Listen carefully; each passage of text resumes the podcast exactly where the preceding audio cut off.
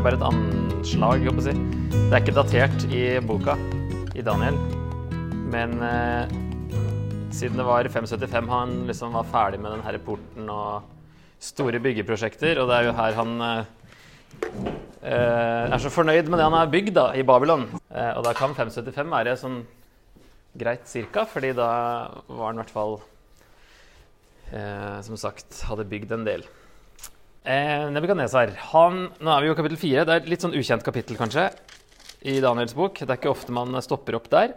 Det er jo en, egentlig en sånn eh, lang eh, en, en, sånn proklamasjon av Nebukadnesar at han har kommet til å, si, å innse at det er Gud, den, Gud, den høyeste Gud, Daniels Gud, som er den som eh, bestemmer. Og um, han som eh, det, som det står i vers 34, eh, hans velde er et evig velde, hans rike varer fra slekt til slekt. Alle som bor på jorden, er for ingenting å regne. Og For å komme til den eh, erkjennelsen så har han da en sånn her litt spesiell opplevelse av å eh, bli Om det er en mental sykdom, eller om det er eh, det, det, folk, de fleste tenker, da, en slags sånn galskap som skjer i en viss periode før han innser at han må ydmyke seg. Da. Så under Nebukadnesar så ble Babylon den største, mest imponerende og mektigste byen. Og han selv ble den største kongen i den kjente verden. Så det er jo ganske imponerende, da, det han fikk til. Og ehm, i mange inskripsjoner som vi har, så presenterer han seg som en stor byggherre, og også at han er veldig religiøs. Tenker på gudene hele tida når han bygger templer for dem. og sånne ting. Eh, han, I forhold til asyrerne, som skrøt veldig av militære seire, så driver ikke babylonerne like mye med det. Han eh, skryter mer av det han har bygd, og av kunsten han har lagd, og sånne ting, enn eh, seierne han har vunnet. Så det er en forskjell da mellom de to. Og så sier han da i vers 30.: Dette er det store Babel som jeg med min veldige makt har bygd til kongssete til ære for min herlighet. og da eh, Før kongen var ferdig med å snakke, kom en stemme fra himmelen. Dette er sagt til deg, kong Nebukadnesar. Riket er tatt fra deg. Du skal jages bort fra menneskene og holde, deg, og holde til blant dyrene på marken. Du skal spise gress som oksene. Sju tider skal fare over deg inntil du forstår at den høyeste rår over menneskenes rike og gir det til hvem han vil. I samme øyeblikk gikk dette ordet i oppfyllelse på Nebukadnesar. Han ble jaget bort fra menneskene og spiste gress som oksene. Med dugg fra himmelen ble kroppen hans hvetet, inntil håret ble langt som ørnefjær og neglene som fugleklør. det er litt spesielt, dette her. Det er tolv måneder senere, etter at uh, han har hatt drømmen og snakka med Daniel, og Daniel har forklart han litt sånn motvillig. Uh, han er liksom en, kompis med, med, kongen, da. Og så skjønner han at det her ikke er gode nyheter for kongen. Eh, så han sier i vers 19 her Herre, måtte drømmen gjelde fiendene dine og tydningen motstanderne dine. Men så må han liksom forklare han at det er, ja, det er du som er treet. Det er du, det handler, deg det handler om her, og at det kommer til å skje eh, dette her, da. Sju tider vet man jo ikke hvor lenge er, da. Er det sju år, eller er det sju årstider, eller er det sju et eller annet annet? Det er litt sånn diffuse, typiske sånn profetutsagn. Hvor lenge er sju tider? Så er det det her, ja, at man antar at eh, Jeg ser i hvert fall den her, så sier de at eh, noe som heter boantropi, eller lykantropi, som er noen sånne mentale lidelser der du tror at du er en okse eller en ulv. Ly lykantropi det er en uh, ulvemenneske. da. Eh, boantropi, da tror du at du er en okse. Og det var mer vanlig den gangen. og før i tida. Det var en, en lege som skrev at eh, eh, Hva var det sitatet igjen, da? At det var på en måte um, du var plaga av noe skyld og noe greier som, som, fikk utløp på den måten, mens nå i dag så er vi mer eh, OK med å føle det. Liksom, det er ikke så stigmatiserende å, si, å ha en skyld og skam eller et eller annet sånt. Noe. Så han mente det var noe, noe med, med mennesket og kulturen som spiller inn på at det her ikke var så vanlig lenger. Da. Men at det, at det var noe mentalt eh, som tynga folk, som da plutselig begynte å oppføre seg sånn. Så det var noen uh, caser fra 1700-tallet, 1800-tallet kanskje. Uh, og tidligere, da, kanskje. Men i hvert fall så ligner det på det. Vi vet ikke om det var det, men det er mulig. Han spi skal spise gress og, som oksene, står det. ikke sant? Så det er kanskje det nærmeste vi kommer, da. Uh, her er den der rekonstruksjonen av den porten, som er egentlig bare den første porten, som er i det museet i Berlin. Du ser døra der nede, så den er ganske stor. Og den er bygd opp da, av noen av de originale steinene. Og her er det flere inskripsjoner av Nebukadnesar sjøl og andre babylonere som er originale. Da. Så det var ganske spesielt å se den. Men så er jo det Det var en port til bak, som dere ser, som var enda høyere og mer majestetisk. Dette er jo en liten modell da, av denne inngangen til Babylon som han bygde da i 575. Med de løvene var på kanten, eller på, langs her, da. Når du gikk mot dem, så stakk de liksom litt ut av veggen der og skremte deg litt. Og han var ekstra stolt av denne porten her, da visstnok.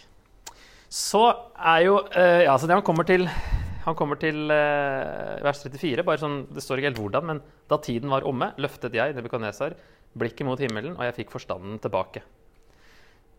Så der er det noe mentalt, virker det som. Han får forstanden tilbake. Men hvordan han eh, får Altså Har han da, i løpet av den perioden, når han får forstanden tilbake, så skjønner han med en gang at han må ydmyke seg, eller har han kommet til den konklusjonen mens han har vært litt gal. Det høres litt rart ut, så jeg vet ikke helt hvordan det funka. Men i hvert fall så kommer han til eh, den konklusjonen. Og fikk min herlighet og glans igjen, til ære for kongeriket mitt. Rådsherrene og stormennene mine søkte meg, på ny ble jeg innsatt som konge og fikk enda større makt enn før.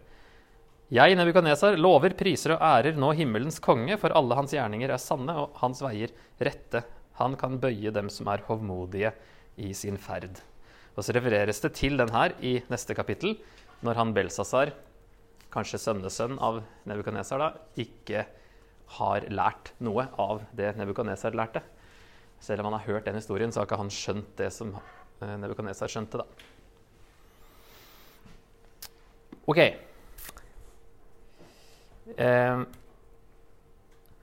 finnes det noe støtte for det her i andre kilder? Nå får dere alt på en gang her, sier jeg, men det er jo litt interessant, da. Fins det noe som helst? Eh, vi har generelt lite informasjon om de siste 30 årene av livet til Nebukadnesar. De babylonske krønikene slutter i 594. Og en mental sykdom ville trolig uansett ikke bli nedskrevet. Av kongen sjøl, i hvert fall. Og ehm, det kan man kanskje tenke seg at vi kommer nok aldri til å finne noe babylonsk offisielt eh, i noen sånne krøniker der dette beskrives, ettersom det da ikke ville bli skrevet ned. Det er noen sånne diffuse spor av noe som kan peke i den retningen. Da. Her er det en som heter Megastenes, som er eh, en som levde 300 før Kristus, som siteres av en som heter Abydenus i det andre århundret før Kristus, som siteres av Josefus i det første århundret etter Kristus. Så det er ganske mange ledd. Han forteller at Nebukadnesar fra taket av palasset, som han, han er på taket her når det skjer, besatt av en slags gud eller lignende, ropte ut en advarsel om at et persisk muldyr ville komme og bringe slaveri, og deretter ble han borte. Det er en veldig merkelig greie. Men han virka litt, litt spesiell. Da stå der og rope om at det kommer et persisk muldyr som skal bringe slaveri. Um, og så er det en fragmentert babylonsk tekst, altså dvs. Si den er delvis og hølete og sånt. Hvis vi tolker den rett, så står det om Nebukadnesar der at, hadde, at livet hadde mista all mening. At han ga motsigende ordrer, nektet ta imot råd, brydde seg ingenting om sønn eller datter, neglisjerte familien og utførte ikke pliktene sine som statsoverhode. Interessant. Selv om det er vanskelig å tyde akkurat hvem, som, hvem, det handler om hele veien. Om det er Nebukadnesar eller om det er eh, sønnen hans. Og så fant de noe som het Nabonidus' bønn i Dødehavsrullene. I der, det skriftet her da, så er det noe som ligner veldig på det Nebukadnesar har eh, gjennomgått. Eh, da han led av en betennelse Det er jo en fysisk sykdom her, da. i sju år, påført av den høyeste Gud. Han ble forvist langt unna folk inntil han ba til den høyeste Gud, og en eksorsist, en av jødene i eksil, tilga ham hans synd og sa at han skulle skrive en proklamasjon slik at Gud kunne bli æret. Veldig mange paralleller der òg. Selv om det er en fysisk sykdom, og det handler kanskje mer om eh, avgudsdyrkelse enn om eh, stolthet. Men likevel paralleller i disse tre tingene vi har. Og hvis denne bønnen da, i dødehavsrullene er basert på Daniel 4, men det er en annen konge og flere ulikheter, så kan det jo støtte det Daniel 4 forteller. Av en eller annen grunn så går alle ut fra at jeg vet ikke, Det er sånn, det er sånn der, eh, utgangspunktet at Bibelen er en religiøs tekst som vi ikke kan stole på. fordi av en eller annen grunn så, så går liksom alle antar at den Nabonidus bønn den er historisk korrekt, og den er mer original enn Daniel 4. Uten å argumentere noe mer for det. Det syns jeg er veldig rart. Den er jo yngre enn Daniel 4, og hvorfor skulle den være mer troverdig enn Daniel 4? Det er jo ingen som, som har argumentert så mye for, tror jeg. Det er bare en sånn antagelse. Så da kan man, og Jeg fant jo noen som mente at uh, det her er litt som høna og egget. Vi vet ikke hvem som har påvirka hvem, eller om de ikke har påvirka hverandre i det hele tatt. Men det er litt sånn, eh, vi kommer ikke så mye lenger enn det her. Så det her er det vi har å gå på. Og det er jo ikke sikkert at vi kommer til å finne så mye mer, men det er interessant at det er i hvert fall noen spor av at det her er noe som kan ha skjedd. Da. Det viktigste er bokas refreng. Starter og slutter med det. Vers 3. Hans kongerike er et evig rike. Hans velde varer fra slekt til slekt. Og så to ganger det samme i vers 25 og 32. Sju tider skal fare over deg inntil du forstår at den høyeste rår over menneskenes rike og gir det til hvem han vil. For her står han på taket sitt og skryter fælt og tenker at å, se på alt det jeg har fått til. Dette er det store Babel som jeg med min veldige makt har bygd til kongssete til ære for min herlighet. Og så må han skjønne at det er Gud som har gitt ham det.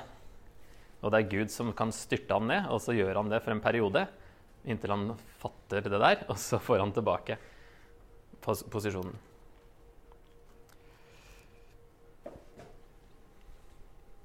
Så hva sier dette oss om å leve som en borger av Guds rike. Gud står de stolte imot, men de ydmyke gir han nåde, står det i 1. Peter 5,5. Det som skjedde med Nebukadnesar, må skje i enhver som kommer til tro. Stolthet har ingen plass i Guds rike. Det nytter jo ikke å skryte av seg sjøl, det har vi lært fra Nytestamentet. Alt er Guds verk. Vi eh, har egentlig ikke gjort noen ting. Vi kan ikke engang skryte av at vi har tro. Ettersom tro er ikke et mål eller et nivå du må opp til, det er at du har tillit til det Gud har gjort. Og så er det interessant å tenke litt Klarer vi å, som Daniel å fortelle de dårlige nyhetene til andre, slik at de kan innse at de trenger de gode nyhetene? Sånn som, eh, sånn som Daniel må gjøre her med Nebukadnesar. Selv om han høres ut som han egentlig ikke har så lyst til det, men eh, må jo gjøre det. Um, og det er kanskje i vår dag og kultur ikke så nærliggende. Og det, veldig, det, var mer fokus på sånn lov og evangelium og sånt før. At uh, alle må skjønne at de er syndere først for å forstå at de trenger evangeliet. Nå er det, sies det ofte sånn at uh, vi er alle Guds barn, og uh, si, alle er innafor allerede. Og så skjønner man kanskje ikke helt hva evangeliet går ut på. da. Eh, annet spørsmål som jeg tenkte var interessant. Snakker du med andre om Jesus for å se resultater, eller gjør du det pga. trofasthet mot Gud? Om det var forståelig. Hva er, hva er, motivasjonen for å snakke om Jesus? Er det liksom som Daniel her? Altså, det er noen hendelser som er tatt med, eh, men med mange år imellom.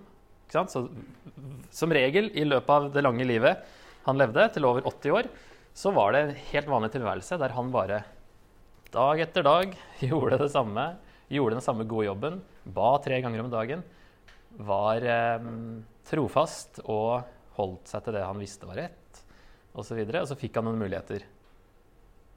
Eh, så det er litt Ja, motivasjonen eh, for å snakke med folk Gjør vi det som en vane fordi vi er trofaste mot Gud, eller gjør vi det for at nå skal denne personen omvendes. håper jeg.